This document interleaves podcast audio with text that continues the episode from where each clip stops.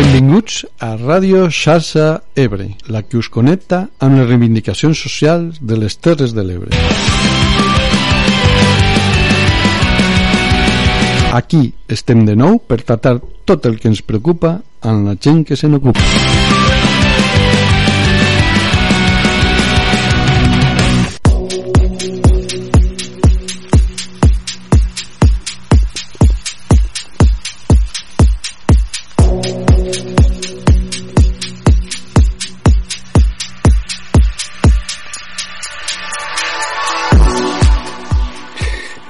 Bon dia, bona hora, bona gent. Avui comencem la cinquena temporada de Salsa Ebre. Rebeu una afectuosa salutació dels que fem aquest programa. Enguany intentarem concretar més els temes sense perdre de vista, això sí, una perspectiva ampla per poder situar les coses en el seu context.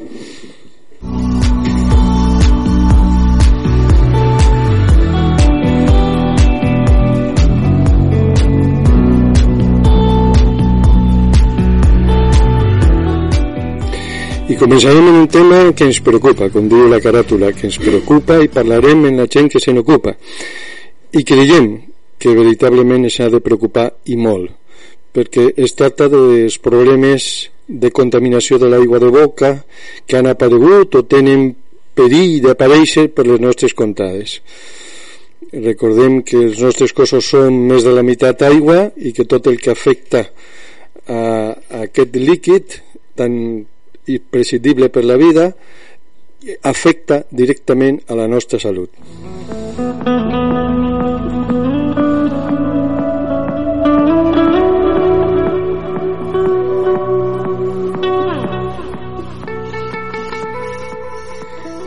Per parlar d'això tenim quatre convidats al nostre estudi. En primer lloc saludem a Pio Puig, Hola, que és farmacèutic, especialista en control de l'aigua ell ha fet un màster sobre això i té un laboratori d'anàlisi d'aigua. També contem en Álvaro Arasa que és geòleg i ha escrit un llibre que es diu Aigües, una aproximació a les Terres de l'Ebre. Correcte, bon dia. Bon dia, gràcies per vindre gràcies a Pio. I també tenim a Ferran que és el nostre tercer convidat és enginyer de telecomunicacions en ell vam parlar de sobirania alimentària dins de eh, la sèrie de programes que vam fer sobre el canvi climàtic. I avui eh, per parlar d'aquest tema representa a eh, ecologistes del Sènia Salvem-lo Montsià gràcies per vindre. Gràcies a vosaltres. Finalment tenim a Enrique Lange, que és col·laborador del programa, que ja el coneixeu de, de programes anteriors, i que també és eh, impulsor de, de la associació Amebesaba, que és una associació que eh, s'ha constituït pel tema de la ubicació de la planta de compostatge a Santa Bàrbara i la possible afectació dels aqüífers. Aleshores, benvingut. Enrique. Gràcies, gràcies per convidar-me. Molt bé, doncs després d'aquesta ronda, gràcies a tots quatre per estar aquí, ara ja coneguts els participants al debat d'avui, us deixem uns minuts en Damaris i la seva Som Aigua i tornem per començar a intercanviar opinions sobre la contaminació de l'aigua de boca. Recordeu que podeu aportar preguntes a les persones convidades o comentaris al programa mitjançant directe.salsaebre.net Repeteixo, directe.salsaebre.net Us esperem, el tema bé se'l mereix. Som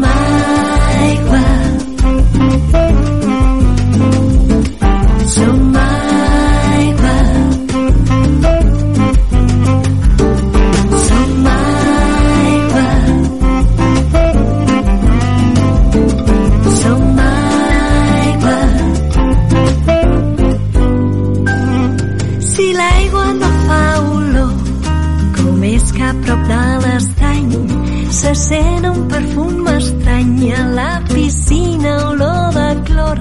Si l'aigua no fa olor, si l'aigua és un tresor, com és que no sents olor? Veient rius contaminats de petroli al mar tacat, si l'aigua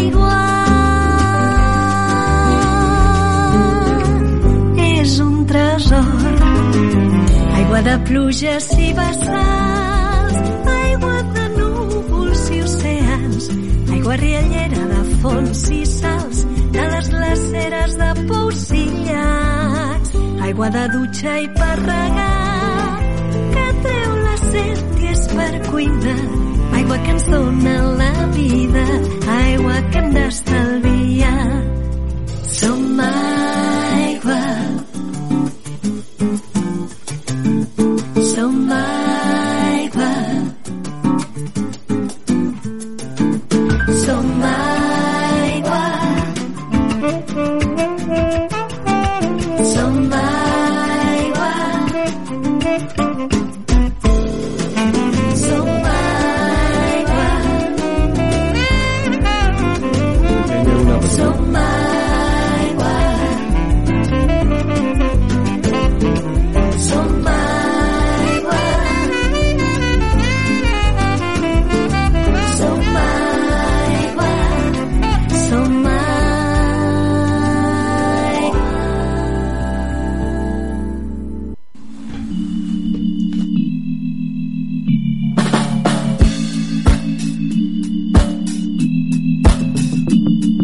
Esteu escoltant Xarxa Ebre, la que parla del que ens preocupa amb la gent que se n'ocupa.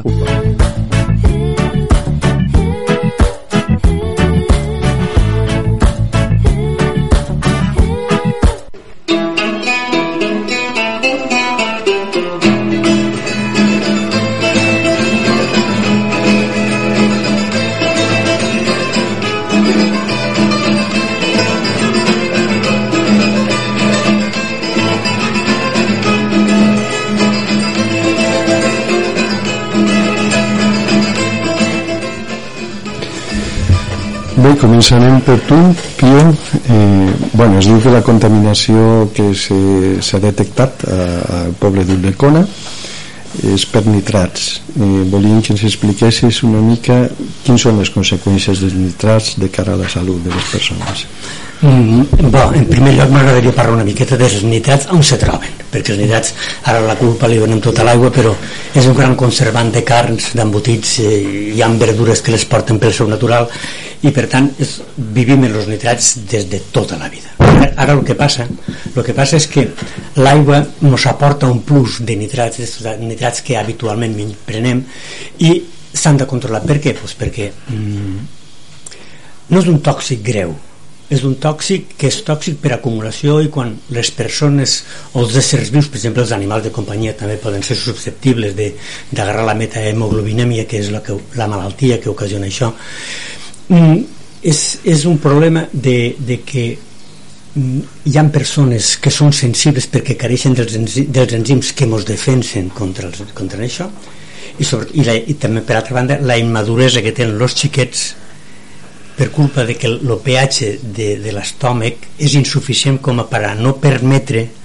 la presència d'unes bactèries que al final converteixen els nitrats a nitrits i els nitrits reaccionen en l'hemoglobina donant lloc a una molècula nova que no és capaç de portar bé l'oxigen als pulmons per tant és el que entraríem en una cianosis i que se detecta perquè el color de la pell canvia se fa bla- blaveta? Mm, per l'altra banda els nitrats són una, una molècula que tampoc se podria entrar però, però eh, potser rellissaríem una miqueta. És capaç de donar certs tipus de càncer perquè n'hi ha mm, reaccions també en, le- en unes amines donant lloc a unes nitrosamines tot, és dir, però en aquests moments el que jo me falcaria és en la perillositat real que té els nitrats en l'aigua. Si nosaltres ve, vull treure una miqueta de ferro els nitrats. Ferro, si tu veus un got d'aigua perquè t'aixeques i te veus del lavabo veus un, litro, un, un got d'aigua o dos litres, no passa res. El problema és quan tu d'una forma continuada mm, prens nitrats. Llavors és quan realment te pots trobar en este problema. Solucions, que és la segona part. La solució d'això està sempre tenim que tindre en compte que l'Ajuntament és, és la entitat encarregada de proporcionar a la població aigua apta per a consum. Quan un dels paràmetres que marca la llei se'n surt doncs té que, té que procurar eliminar-ho. Com s'elimina? justament els nitrats de les coses més complicades que hi ha. Perquè, doncs, perquè per fer, se pot fer per columnes de canvi iònic, se pot fer per bacteriologia, se pot fer per osmosi inversa, mm, i també es pot fer per dilució simplement és agarrar una aigua que no tingui ions i la mescles en, en, en aigua del poble un a un i tens la garantia absoluta de que l'aigua que veuràs és apta per a consum què es pot fer en l'aigua eh, de nitrats? Se pot rentar la roba, se pot dutxar, se pot... El que no tenim que tindre és la mania de que si la bullim li traiem els nitrats. No, el que fem és concentrar els nitrats. Gràcies, I... Pio. Si vols, per, disculpa, perquè quasi entrar les solucions, que és el que estàs parlant ara, serà com la, ah, perfecte, segona, perfecte, la segona part. Perfecte, Vicent. Perfecte, Anem a situar. Perfecte, Vicent. Gràcies, Pio. Álvaro, Mm, tu que has estudiat el tema de les aigües a les Terres de l'Ebre, les capes freàtiques i tot això, em pots dir com veus la situació? Bueno, a veure, eh, la situació, objectivament, al terme de Ulldecona, eh, per concretar no, una mica, eh, tenim tres tipus de materials. No? Vull dir, la part, diguem dels valentins, tota la plana dels valentins, diríem, eh, és molt gravosa, per tant és una zona que filtra també bastant bé eh, després tenim el que seria la serra de Ulldecona i Godall no?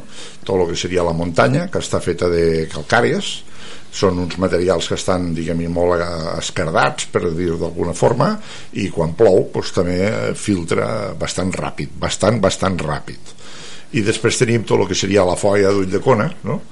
que és més de caràcter argilosa i eh, no tanta permeabilitat per dir-ho d'alguna forma la zona problemàtica fonamentalment avui per avui penso que se centraria a la zona de la muntanya a la zona muntanyosa eh, és una zona que bueno, les evidències de les mesures del control que hi han en, de l'administració té una sèrie de pous que controla el nivell de l'aigua quan està més alt, quan està més baix etc. No? Normalment els nivells de l'aigua sempre estan per damunt de la cota zero que seria la cota del nivell del mar. Aquí a la Serra del Montsià està sobre una cota, fa molts anys que això vaig estar participant en la mesura d'aquestes aigües i estava sobre 50 metres per damunt del nivell del mar. A mesura que te'n vas cap al Montsià això ja arriba a 30-20 metres i quan arribes ja pràcticament a la plana de la, del, de la Martinenca per dir d'alguna forma eh, allí inclús ja arribes a, entre, de, va de 5 a 1 i este 1 quasi està dins del mar és a dir que a vegades quan ens estem ballant a dins del mar ens trobem en aigües molt fredes molt més fredes i ah, quina aigua més gelada no? bueno, doncs allò és una surgència d'aigua dolça de l'aqüífer és a dir, que tenim al Montsià, tenim eh, al Godall, tenim 50 metres d'alçada i m'on anem directament cap al mar. Totes les aigües se'n van cap al mar. No? Per tant, este, este fet de tindre este valor tan elevat a la serra de Ulldecona, doncs ens trobem en que això és una zona de recarga. I així és com se als pous de mesura del nivell que quan hi ha aquestes pluges importants, al cap de entre 5 i 10 dies, dependrà de, de la situació, els nivells de l'aigua dels, dels, dels pous puja d'una manera significativa. No? I aquesta manera significativa és la recarga de l'aqüífer, que es diu, no? i llavors això ens permet, diguem entendre no? com se recarreguen no? los, los aquífers veu? Estes dos, eh? les barres bueno, esta, esta figura les barres diguem assenyalen los, los de la, la pluja i els punts senyalen els nivells del pou per tant eh, hem de tindre present que si escampem fems els fems en els moments de pluja això filtra i va baixant és com una mena d'autopista que va baixant cap a buscar el nivell freàtic i si el nivell freàtic tenim menys dilució els nitrats augmenten i altres substàncies evidentment també. Per tant, este és una mica el tema de visió global de que la recarga és la que si troba un fem, lo baixa. Si troba un fàrmac, lo baixa. Si troba un plaguicida, lo baixa. I això arriba a les aigües subterrànies. Molt bé, gràcies Álvaro. Bueno, Ferran, Ferran Puig no sé si ho havia dit el cognom abans. Puig Villar Vilar. Vilar. Molt bé, digues eh, des del punt de vista de Salvem el Montsià esta situació que s'està generant com la veieu vosaltres? Bueno, nosaltres la, estem especialment preocupats eh, per, per una cosa més que ens apareix dintre de lo que és en general la destrossa eh, ecològica que tenim aquí a Ulldecona eh, en particular i una mica el Montsià en general no? és a dir, aquí eh, tenim pedreres és a dir, se mos està menjant la muntanya eh, mos fan destrossa no només de la muntanya sinó de totes les infraestructures que, que necessiten eh, la, la cementera Cemex de, del Canà se mos estan duent la terra fèrtil de la Foia eh, i i, eh, i, i si, si mos queda sense si mos emporta les oliveres i després fa veure que les replanta replanta unes menudes que veurem el que dura Eh, i parlant d'oliveres, resulta que ara la Generalitat ja ha comprat a uns vivers del Montsià 48 oliveres eh, per 600.000 euros. Eh, esos, esos, aquests vivers del Montsià són naturalment vivers que han arrencat les oliveres d'aquí, de, de, de gent que era d'aquí eh, per tant això que, que nosaltres havíem intentat que una llei d'aquestes coses les impedís però no només no les impedís sinó que fins i tot el govern s'hi arrepenja fent una cosa que en realitat estaria prohibida al País Valencià eh, i pel que fa al tema de, de, dels nitrats, doncs clar, doncs això s'hi afegís. Jo voldria parlar una mica de, del nivell, és a dir, com se determina el nivell perillós de nitrats, no? És a dir, això al final més que una... Els científics el que fan és analitzar, mesuren, eh, la comunitat mèdica tracta de determinar l'impacte, però al final el límit de, de, dels 50 mil·lígrams per litro, que és el que estem parlant, que és el que ara s'ha superat, no deixa de ser una cosa molt política i molt depenent de, de l'agència que ho determina. És a dir, eh, per exemple, el que hem vist aquí és que eh, al mes d'abril del 2021 estàvem a 46, al mes de juliol de, del 21 a 46, al, al mes d'abril de, del 22 estàvem a 44. Això és raro que baixe, és raro que baixe però pot ser la incertesa de mesura que a més ja, ja diu que ha de ser el 15%. Eh? I ara al juliol pues, estem a 52. bueno, pues, si estéssim a l'Índia hi haguessin saltat les alarmes perquè la Índia la, eh, la, la, l'Indian Council of Medical Research l'Institut d'Investigació Mèdic doncs té el límit a 40 eh, vull dir, eh, llavors a veure de què es tracta. Aquí es tracta de complir la llei, està molt bé de complir la llei però també es tracta, sobretot de què es tracta és de eh, tenir la població saludable. De manera que estàvem des de fa ja eh, dos anys, bueno, com a mínim un eh, en nivells, un que sapiguem, perquè les anàlisis anteriors de moment no els tenim, eh, pues estàvem en nivells que, que, que ja apuntaven a que, a que, a que seria a que això eh, tindria afectació a la salut, perquè al final és el mateix 49 que 51 i, i se posa, se, no? se diu bueno, pues no es pot veure a partir de 51 però si fos 49, pues ara sí bueno, escolteu, el que importa és la salut més que la, la llei eh, Bueno, bàsicament això, és a dir, eh, la qüestió és saber també d'on ve el problema, és dir, si ve dels fertilitzants, dels pesticides i tot això, que, que, que, que a, a mi em fa molta pena veure els camps d'oliveres que no tenen ni, ni un bri d'herba. És a dir, això vol dir que allà hi han posat glifosat, hi han posat herbicida i, i això, evidentment, se filtra cap a baix. Bueno, i la qüestió dels purins, no?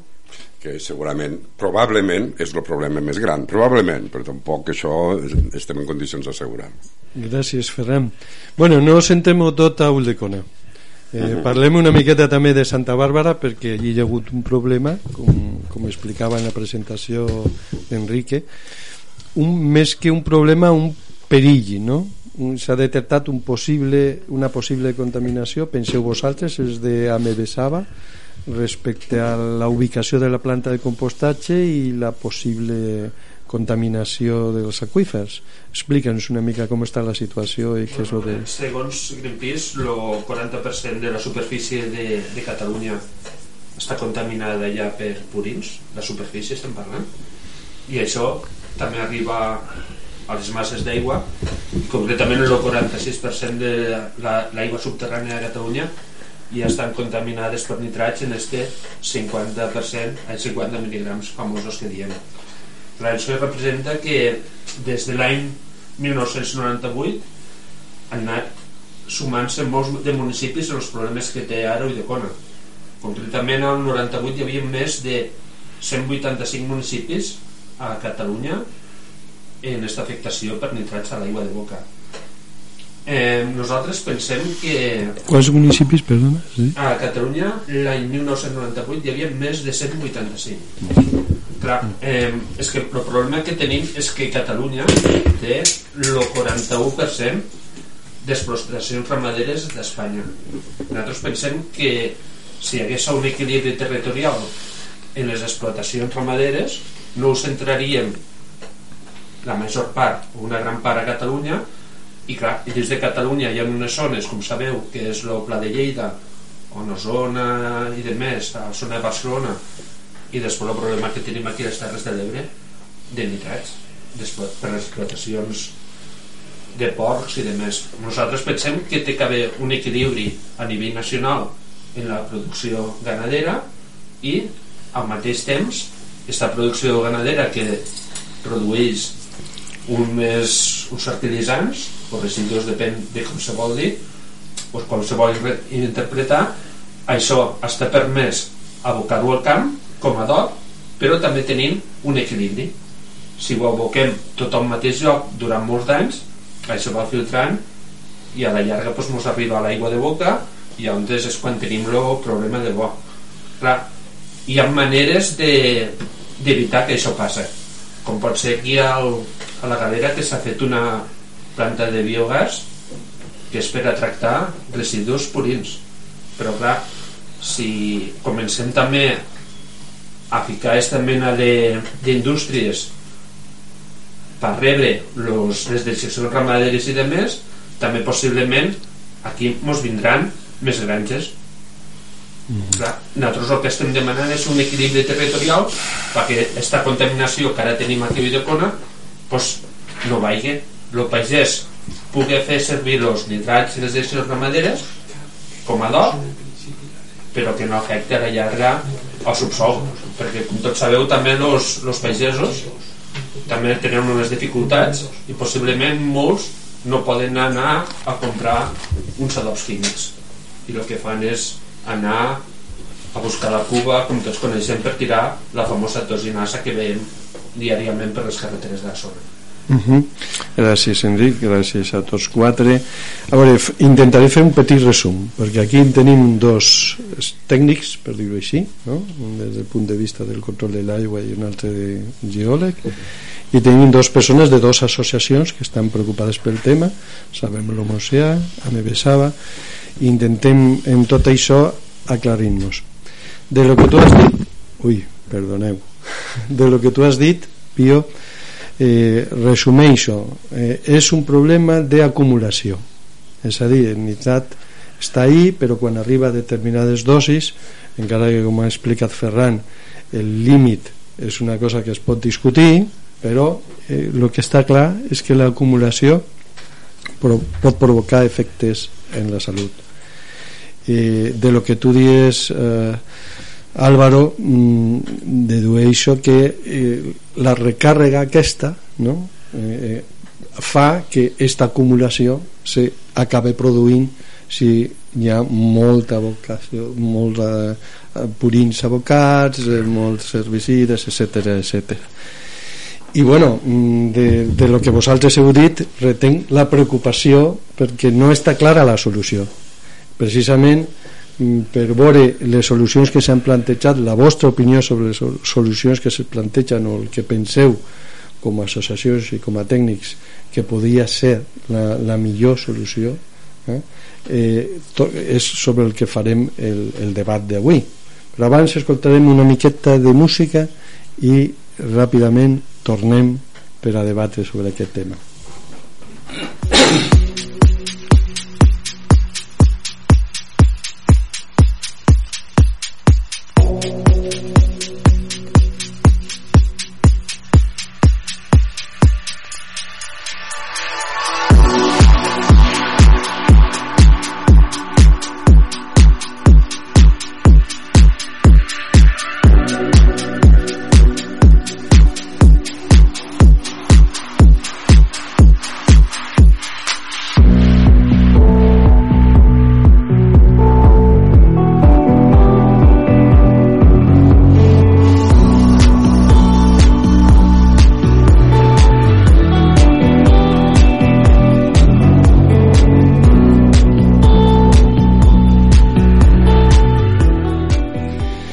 pues el tema és aquest. Per exemple, eh, aquí em parla de dos pobles, però la situació podria donar-se en altres pobles, molts altres pobles de les Terres de l'Ebre i fora de les Terres de l'Ebre.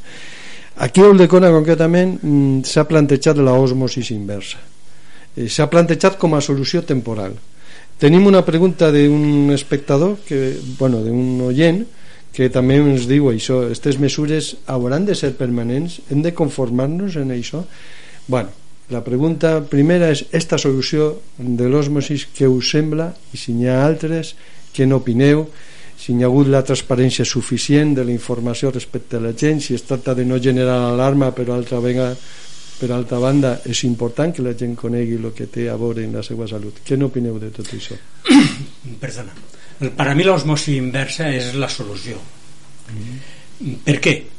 Perquè no oblidéssim que l'osmosi inversa és reduir si, si, si l'equip és molt bo mos redueix els nitrats, clorurs, sulfats tot mos ho redueix en quasi un 90% per tant passaríem de tindre d'un 50 passaríem a tindre apenes un 5% un 5, perdó, ppms ppms Mm, si par, això, si, parts per millor sí, per parts millor. per millor, perdó, sí, mil·ligrams per litre. Mm -hmm. si, si nosaltres això ho posem per a depurar un milió de litres, dic en número aproximats, d'aigua del poble, creem uns, un, molts de litres de contaminant, perquè donem aigua molt concentrada a, a depurar. Si aquest problema cada un se'l resol, perquè no oblidéssim de que d'aigua apta per a consum propi només caldrien de 3 a 4 litres per persona i dia una família de, de, de 4 persones necessitaríem posem-li per cas 20 litres per dir alguna cosa. 20 litres, aconseguir 20 litres d'una forma particular ens donaria un residu molt baix molt baix, apenes de 2 litres d'aigua concentrada, d'aigua d'aigua que tu la tires i la mescles l'aigua de la dutxa i no es nota per tant jo, més que d'un tractament global de l'aigua, el que sí que faria seria possiblement subvencionar perquè cada un es muntés un equip d'osmosi. Un equip d'osmosi pot costar eh, si te'l compres tu directament 150 euros per aquí van. Però si fos l'Ajuntament que proposés que fos com a, com a cap de venda podrien aconseguir preus molt molt interessants. Cada un se'ls muntaria. I el manteniment se podria ajudar de deixar de pagar una miqueta l'aigua tots els mesos Disculpa Pio, per què penses que l'Ajuntament ha dit que és una solució temporal? no és prou bona o, o per què? Bueno, és, que, és que parlar d'etern és, és perillós el problema d'un llecón és un problema de fa molts anys que anem rozando l'arguero com diuen el que passa que no se'n parla de mai per què? Pues per lo que dia ell perquè està en prop del 50 però no arribem al 50 que és el que marca l'article 140 per tant mm, parlar que mentre tinguéssim estos problemes de contaminants contaminants de l'aigua aquest problema seguirà existint perquè no és un problema de l'aigua que mos ve sinó l'aigua que nosaltres aboquem d'una forma artificial als aquífers uh mhm. -huh. sigui d'agricultura, sigui indústria sigui de lo que sigui per tant, aquest problema existirà sempre perquè el generador d'aquest problema seguirà existint sempre D'acord. Entesos, la teua proposta està clara. Álvaro? Sí, bueno, el tema de la proposta a mi és una solució, lo de l'osmosis inversa. A mi el que em sorprèn és que això sigui ara eh, d'allò. Veient jo les analítiques que tinc, des de l'any 82, principalment a partir de l'any 97 van començar a augmentar els valors dels nitrats, al 2011 vam arribar a un 47, 46-47, al 2021 vam també arribar a 46-47. Per a mi aquestes 46-47 és el mateix que un 51, un 53. Llavors jo considero que aquí eh, hi ha algo que no acabo d'entendre perquè també tenim que tindre present que hi ha un departament que es diu de Sanitat que supervisa les qualitats de les aigües que se subministren a tots els municipis del territori eh? Eh, llavors eh, a mi jo posaria quasi la mà esquerra al foc perquè veient estos valors que, acabo de dir eh, Sanitat no hagi fet alguna advertència ja a l'Ajuntament, que és l'últim responsable de la qualitat de l'aigua que se subministra, tot i que tingui una empresa concessionària de la seva gestió. Per tant, tant un monta tanto, monta tanto, Isabel com Fernando, dient, no? Pues bueno, aquesta és la, la situació. Per tant, jo considero que una osmosis inversa temporal podria ser solució, que cada un a títol personal se posi una osmosis inversa és ja buscar-se la solució personal. Hi ha gent que se l'ha buscat comprant garrafes d'aigua a preus desorbitats anualment eh, i l'altra és que podria ser lo millor eh, una solució la, les resines d'intercanvi iònic també és una solució perquè per exemple a molts de pobles de la Conca de Barberà i a altres de, Catalu de Catalunya està funcionant per tant jo penso que són moltes les solucions que poden buscar-se l'altra seria eh, de dir, diluir no podem anar a fer un pou com se va fer a Santa Bàrbara però sí, per exemple, els camions cisterna podrien haver anat abocant al depòsit central de distribució i este fet d'anar abocant seria ja un procés de dilució que podríem haver inclús arribat a baixar per baix de 40 mil·ligrams la quantitat, la concentració de, de, de nitrats no? Bueno, aquí ara a mi m'ha sorprès que des del, dos, des de des del dia 6 d'agost fins ara no s'hagi començat a pensar en una solució. Trobo que les tècniques estan ja exposades i les metodologies també. L'únic que calia era fer una acció ràpida, no? Aquí me quedo jo una mica en, en les ganes de saber què és i per què no s'ha pres aquesta solució més ràpida, no? I la gent tingui que anar a buscar en lo pobalet l'aigua o el que sigui. Per tant, jo considero que mm, solucions n'hi ha moltes, crec que hi ha hagut com una relaxació, baix el meu punt de vista, per les administracions responsables al respecte i en conseqüència eh, espero que es posin les piles i les posin les solucions el més immediatament possible perquè els residus que generarà també l'osmosis inversa haurem de veure si globalment això a on ho posem i com ho deixem de tractar i totes aquestes coses. És a dir, que poden ser solucions però que eh, hem de pensar a mitjà i llarg termini, no només temporalment, perquè els valors que es veuen dels controls analítics que jo tinc o dels que jo disposo, vol dir que este, si avui tenim una sequera, que vol dir que el requífer baixa, ja ho he dit abans, la, la, la concentració dels nitrats augmenta, si arriben pluges molt importants, també l'aqüífer pujarà i hi haurà molta més dilució. Per tant, a lo millor si ara ve esta tardor i comença a ploure a bots i barrals, doncs tindrem una dilució i haurem solucionat el problema. Però, claro, de, mo de moment. De moment, claro, hasta que no torni a ploure i si les sequeres cada vegada en el rotllo del canvi climàtic eh, són més eh, consistents i més eh, persistents, pues tindrem problemes. Bueno, I les, les associacions que representen aquí a la ciutadania preocupada pel tema, què, què n'opineu de tot això que estem parlant? Què han dit els tècnics? Sí, a veure... Eh, nosaltres no tenim encara una opinió formada sobre quin dels tres mètodes eh, seria millor. A veure, uh, enumera els tres, per favor, perquè hem parlat d'osmos inversa, de dilució, i el tercer seria? El tercer era d'intercanvi iònic. Sí. Intercanvi, intercanvi iònic, okay. sí. Eh, no tenim encara una, una opinió formada sobre això. De, de lo que sí que la tenim és de, de lo que dia el company pel que fa a l'anticipació al problema. O sigui, Eh, ja ho he dit antes que això ve de, de, dels anàlisis que teníem que és fins de fa dos anys però a més a més això coincidia en el temporal Glòria vull dir que estava sí, sí, 96 sí. en el temporal Glòria vull dir que mm. tampoc hi ha molta dilució aquí sí. no? de moment eh, però, però si, si se veia venir des, de, des del 97 dius que ja anava pujant doncs el fet de que això no s'hagi tingut en compte eh, bueno, això clama al cel diguéssim però és que clama al cel una cosa més, més seriosa encara nosaltres, a l'any 2018, vam promoure la Constitució, en el marc de l'Ajuntament d'Ulldecona, d'una cosa que ne vam dir Consell Municipal del Paisatge, que agrupava un munt d'associacions preocupades per l'entorn natural eh, que a la primera reunió de constitutiva eh, li vam canviar el nom i li vam dir Consell Municipal del Paisatge i Llegat Generacional. Llavors, cosa de llegat generacional més important que esta, doncs poques n'hi han perquè d'això ne tenim per dècades o segles eh? perquè això no se'n va així per art de màgia um, però què ha passat? que allò, aquell Consell que s'havia de, que de reunir quatre cops l'any mai més s'ha reunit mai més ens han convocat i això seria una cosa que quan se veu venir entre tots els intervinents se pot, pot ser intervenir en les causes que és el que realment ens preocupa. Quan hi ha de químics d'abono, de, de pesticides, de tot això, quan hi ha de, de, de, de purins, no? Perquè ara el que ens pareix és que en realitat aquí hi ha un abocament il·legal de purins en excés. Eh? això no seria la primera vegada que Espanya passa s'han trobat casos així eh? allò de que tot d'una hi han pous que estan descontrolats que normalment són els recollidors de purins no? que ho aboquen a, a un pou en vez de portar-ho a una planta de tractament jo no dic que això estigui passant, però la possibilitat realment existeix i amb geòlegs amics que he parlat me donen com la possibilitat més, uh, més probable. No? Però en tot cas, fins i tot l'any 2020, parlant del Consell Municipal del Paisatge, van fer una reclamació per escrit a l'Ajuntament. Per què no s'està reunint això? Ni paraula ni paraula.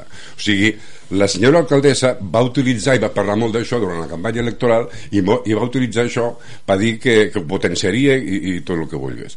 bueno, doncs això és un, una cosa típica de parlar en un, en un foro així i trobar solucions entre tots en canvi era d'una doncs, m'ha explotat el problema damunt a veure, si, si ho he entès bé eh, vosaltres eh, el que proposeu és primer investigar investigar l'origen, la font, la font de la contaminació perquè d'això dependrà les mesures a mitjà i llarg termini a banda de les que hem parlat com a solucions tècniques més immediates i per altra banda proposeu que es reuneixi aquest Consell com, com es diu? El Consell? El Consell Municipal del Paisatge i Llegat Generacional Val, per tratar, tratar d'aquests temes i, tema... i, i que hi hagi diguem una transparència es pugui saber tot això. Un apunt, sí. els nitrats orgànics o minerals els controla agricultura i si les finques que estan autoritzades a fer abocament eh, sobrepassen la dosis corresponent, en principi s'ha d'aplicar multes eh, al d'allò. Mm -hmm. Després, sí, ja et passaré dades de la superfície, diguem del terme i la que és apta i admissible de fer. De fer. Que seria important saber aquestes medicions si se fan i bueno, si s'han arribat a multar jo me consta que així he parlat en agricultura i m'han dit que ells fan aquestes analítiques quina sistemàtica tenen això ja no hi he entrat en aquest tema però és anar a agricultura i dir escolta, què feu? Mm -hmm. ja si, i si el problema perdó, si el problema fos que els nitrats químics els, nitrats neutres uh -huh. mos arriben pels tarongerals que hi ha a l'altre costat de riu que és que és l'Orrenya de l'altre riu? De, com de, la, de quin riu? riu ah, de la, que no té que veure la Generalitat d'aquí disculpa, Pio, no, no pot ser no pot ser perquè tota la piezometria que teniu vosaltres va a, al cap allà. o sigui, va cap allà mira, no, no, no, sí, va cap a Vinaròs Vale, o sigui, vale. això ara seria prolongar cap allà, per tant, és a dir, si això fes a, a, així al revés, no? però és que tot va, perdó, tot va cap allà, cap allà, no, cap allà, i això aquí està Vinaròs. Sí, que estan uns gerals que hi ha a costat de rius, però dins de principi no, no, no crec que sigui no, el problema, eh? el problema està dins del terme municipal. Eh? Sí, nosaltres havíem identificat com a possibles fonts de perill la font del Draper i el pou de captació de, al, al peu del turó del castell no sabem si allò podria ser també un puesto... bueno, allí l'any 82 al peu del castell el, que allí tenien 5 mil·lígrams de nitrats a l'any 82 eh? estem parlant de 40 fa... i pico d'anys. Però et dic, ja t'he dit que a finals del 97 ja estaven per damunt de 30 allí mateix. Sí, sí, l'analítica I... bueno, així ho diu l'analítica. Pues 30, eh, no arribava a 35 uh -huh. Enrique i el, el vostre poble a Santa Bàrbara tot el tema aquell de, de la possible contaminació de la planta de compostatge i tot això com està? S'ha pogut bueno, solucionar? Eh, primer que res, acompanyant el que diuen els meus companys eh, la plana de Santa Bàrbara abans era un, una gran extensió d'oliveres i garrafers, era secar però eh, als anys 80 i de més se va transformar i es va fer de, de cítric se va fer molt de cítric i molts de valencians van invertir aquí en grans finques i el que volien ells és pues, traure beneficis el més ràpid possible. Llavors pues, aquelles finques eh, possiblement se van abonar en excés o també se van tirar insecticides pesticides en excés. Total que el 2009 ens vam trobar que l'aqüífer de, de la galera lo, bueno, perdoneu, el primer aqüífer que tenim a Santa Bàrbara que és de superfície que està uns 30 metres o així també vam tindre unes contaminacions per nitrats com les que teniu ara Santa Bàrbara en superar els 50.000 litres i això se va solventar en la construcció d'un nou pou que arriba a la, al segon aquífer i el que s'està fent ara és mesclar el 40% de, d'aigua de, del segon aquífer, el més profund, en el 60% en el de superfície. I això dona una concentració de nitrats a l'aigua d'uns 31 mil·ligrams o així. I és una aigua apta i va ser una solució, però el que després va passar el 2019 és que al mateix poc que es va fer se va tindre que construir una petita planta de filtratge perquè se van adonar que l'aigua que s'extraïa tenia concentracions de pesticides i plaguicides. I antes en este filtratge se, també se va solventar això. Dit, dit este punt nosaltres ens preocupa que a, on se va fer la planta de compostatge de Santa Bàrbara ho hem denunciat per les xarxes socials està inclús en vídeos i demés que bueno, jo tindria que tindre una seguretat de més perquè imagineu la concentració que arribarà allí si finalment se pot arribar a tractar 100.000 tones anuals de producte en les corresponents bases de nitrats i de més i és que ens vam adonar que l'octubre de l'any passat en uns aiguats allà hi havia corrents d'aigua. O sigui l'aigua de les finques de dalt traspassava a la planta de on se vol fer la planta de compostatge. Imagineu-vos que significaria un aiguat com el que vam tindre l'any passat que va inundar tota la parcel·la allò va desbocar i va arribar fins al canal Certa Sènia que ara està en desús i va tirar l'aigua per avall. Nosaltres pensem que aquestes instal·lacions tenen que tindre unes mesures de seguretat per evitar el dia de demà possibles catàstrofes ambientals perquè el que ens ha sorprès és que esta planta de compostatge en concret té una assegurança de 70.000 euros per el que pugui passar. I en 70.000 euros no anem a cap lloc. Nosaltres pensem que les plantes de compostatge són necessàries però el que veiem i no ens agrada és que aquí vinguin a tractar matèria que no generem a la zona. La Generalitat parla del territori però el territori és molt extens. Per exemple a, aquí al Montsea ja estan mirant i la principal producció és de, de porcs i no d'aviam. En canvi la planta de compostatge de Santa Bàrbara pràcticament el que tractarà és producte aviar això són ramaderes de gallines i de més. Clar, això vol dir que ens estaran portant la matèria d'un altre lloc a tractar-la aquí. I, bueno, i nosaltres pensem que la planta que es va fer en el seu moment a la galera de biometagàs ja donàvem sortida a gran part de les ramaderes que tenim aquí al territori. Per això pensem que ja han ficat el nostre granet d'arena i no voldríem que el Montsià interior se convertís al llarg en un lloc de gestió de residus com s'està convertint. Molt bé, doncs el temps se'ns està acabant. Així que ara farem una ronda final d'un minutet o dos per cada un de vosaltres perquè digueu el vostre, el vostre resum final el missatge que voleu transmetre a l'audiència Pio, comencem per tu perdó primera que res els nitrats se'ls té que respectar però no es té que tindre pànic el nitrat, eh, la solució és bastant còmoda de resoldre a nivell domèstic i a nivell de pocs litros. Ja no parlo dels mòximes, parlo de mesclar una aigua de, comercial, una aigua de, que podem trobar al supermercat, i l'aigua de l'aixeta, quasi, quasi una proporció de 4 litres d'aigua d'Ulldecona i un litre d'aigua exenta de nitrats mos converteix l'aigua d'Ulldecona, l'aigua de l'aixeta, en aigua apta per a consum.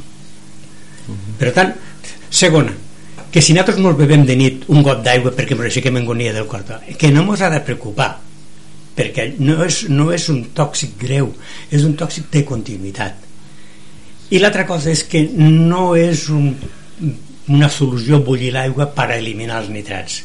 Si bullim l'aigua fem caldo en aigua de l'aixeta. I fem aquestes coses el que fem és concentrar concentrar els nitrats i l'altra cosa si parem compte dels nitrats tenim que tenir també en compte de que hi ha molts de productes comercials com és molts d'embotits i molta carn que tenen nitrats que estan una mica fora de control uh -huh.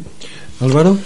Bé, jo, claro, ja és una qüestió, penso jo, que està en el que dia abans, no? en, la, en la efectivitat de prendre decisions. No?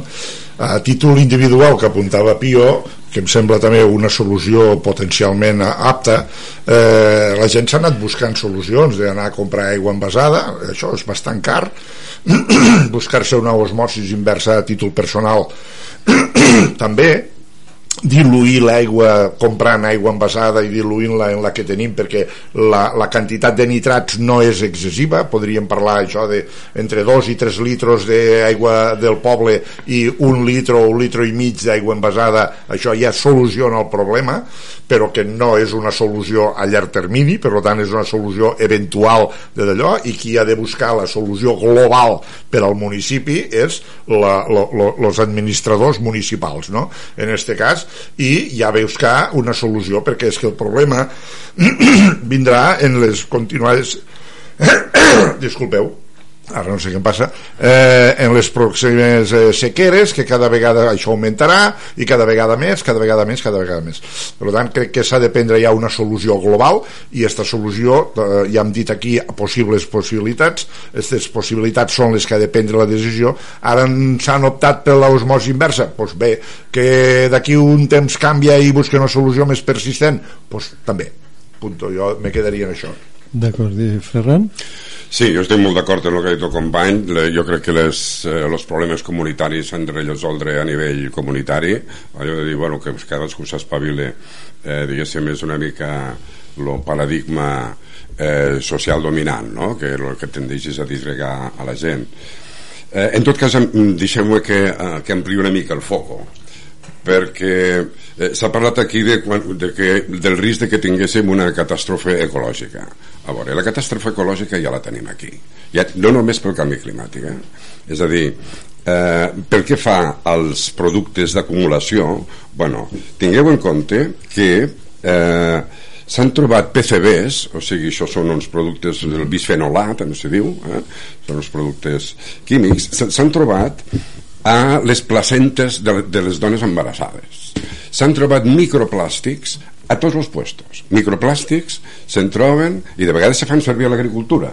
Eh? Eh, eh, se troben a l'aigua, se troben a la llet del supermercat i a l'Antàrtida està nevant microplàstics. És a dir, cauen microplàstics a la pluja. Vols dir molècules, eh? No trossets. Eh? No, no, no, bueno, no, però són, no són molècules. Ah, sòlid. Són trossets de... Sòlids, són trossets. Ah, sòlids, ja, ja. Sí, sí, sí, sòlids, sòlids. Sí, sí, sí, sí, sí. Jo això us ho puc documentar perfectament, tots els treballs sí, sí, no, no, que demaneu. Eh? Però és que avui he vist que l'aigua de pluja no és potable. Això és un treball de l'any sí. de l'Environmental Science sí, and Technology. Sí, sí, ja l'he llegit, ja. Eh? Sí, sí.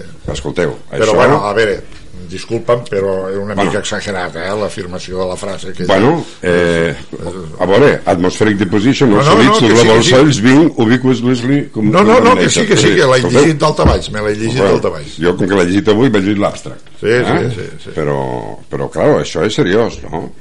Però què Eh, diu? Què diu? Perdona, has començat tot... com- La, que la, que la Són- gent que mos escolta voldrà saber què, què és el que has llegit. Bueno, eh, doncs el treball és d'Environmental Science and Technology, és d'un equip d'investigació eh, que és de l'Stockholm Resilience Institute i també de, crec que és de l'ETH de, de Zúrich eh? i han trobat que l'aigua de pluja l'aigua que cau no complix els estàndards de la EPA de l'Environmental Protection Agency dels Estats Units vale? I algun altre i també parlen de, Però eh, de? Dinamarca Però per què? Quins són els paràmetres que baixen eh, perills? per i polifluoroaquil Ah, bueno, això són els, els que són de neveres i coses d'aquestes. exacte Va. Sí.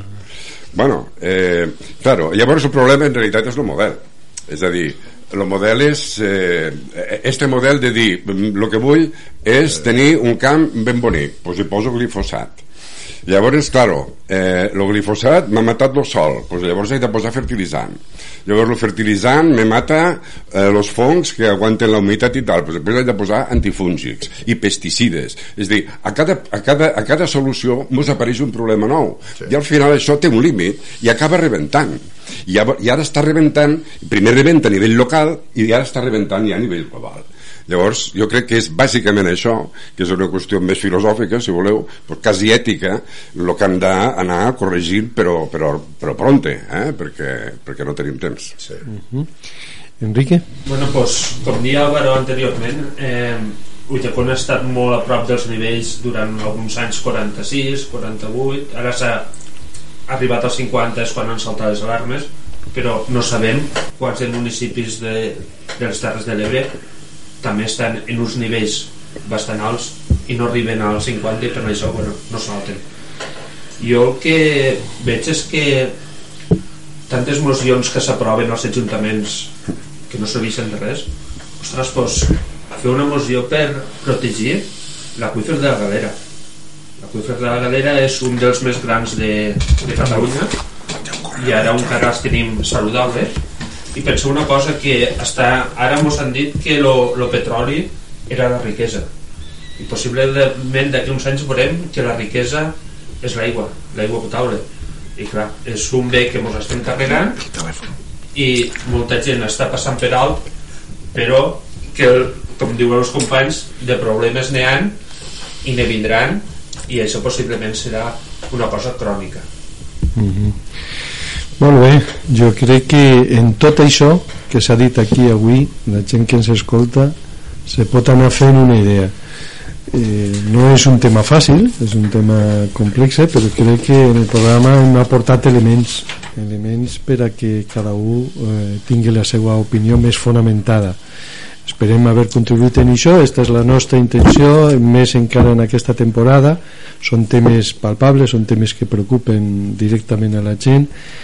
I ara us acomiadarem però abans escoltarem a una cantautora del territori Montse Castellà que eh, ha fet una, una cançó que té alguna referència al que estem parlant.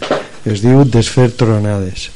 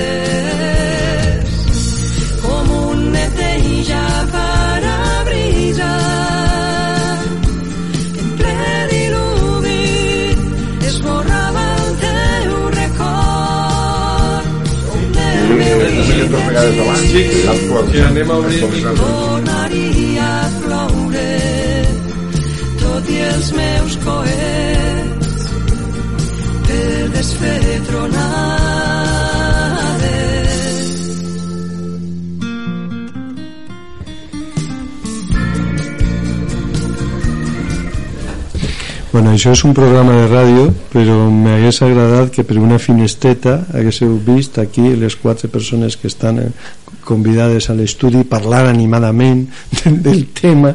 Aquí podem haver continuat una hora més perquè donaria per això i per a molt més.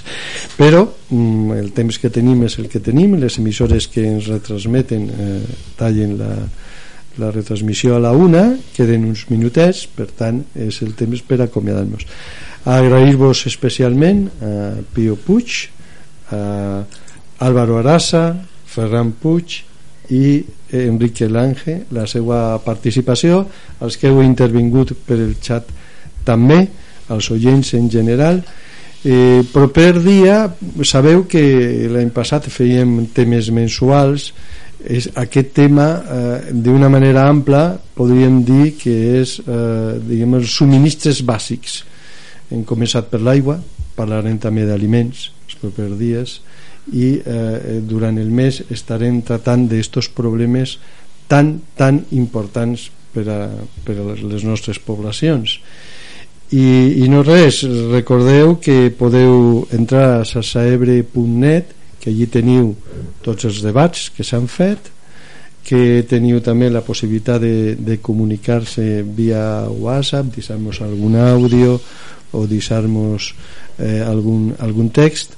Eh, us he d'advertir d'una coseta que és que el número de telèfon que figura ara mateix en el web no està operatiu en el canvi de temporada. Ja sabeu com són les companyies us he, hem estat fora un temps i ja pum, us han tallat el número i ja li han donat un altre i ja no el podem recuperar. Per tant eh, eh, posarem un avís mm, quan sigui ja el número el nou que podeu utilitzar no ens ha donat temps eh, anem de bòlit ara per començar esta temporada i eh, agrair-vos agrair-vos l'atenció agrair-vos la participació de la part de Juan Carlos Fibla aquí al comandament de l'Enterprise com diuen i eh, per la part meua Vicent Prunyonosa. Ja sabeu que tots els diumenges a les 12 tindreu Sassa Ebre i que la podeu escoltar per internet també, però que en directe per les emissores de la Sènia, de, de Santa Bàrbara, d'Alcanar, de Tortosa i de Mora la Nova. I bueno, ara estem pendents de Mas d'Enverge, que no sabem finalment perquè ha canviat el seu organigrama i no sabem finalment si eh, continuarem eh, sent retransmesos per ells o no. Però en les altres emissores ja ens han confirmat que sí així que sabeu, si entreu a la pàgina web allí teniu els horaris teniu els dials corresponents etc.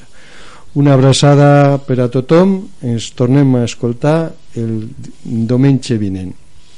Adeu, salut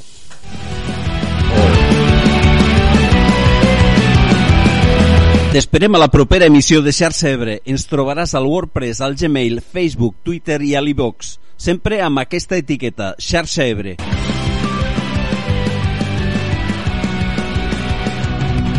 No oblides subscriure't, sabràs les dates i els convidats dels propers programes. Fins aviat, seguim fent xarxa.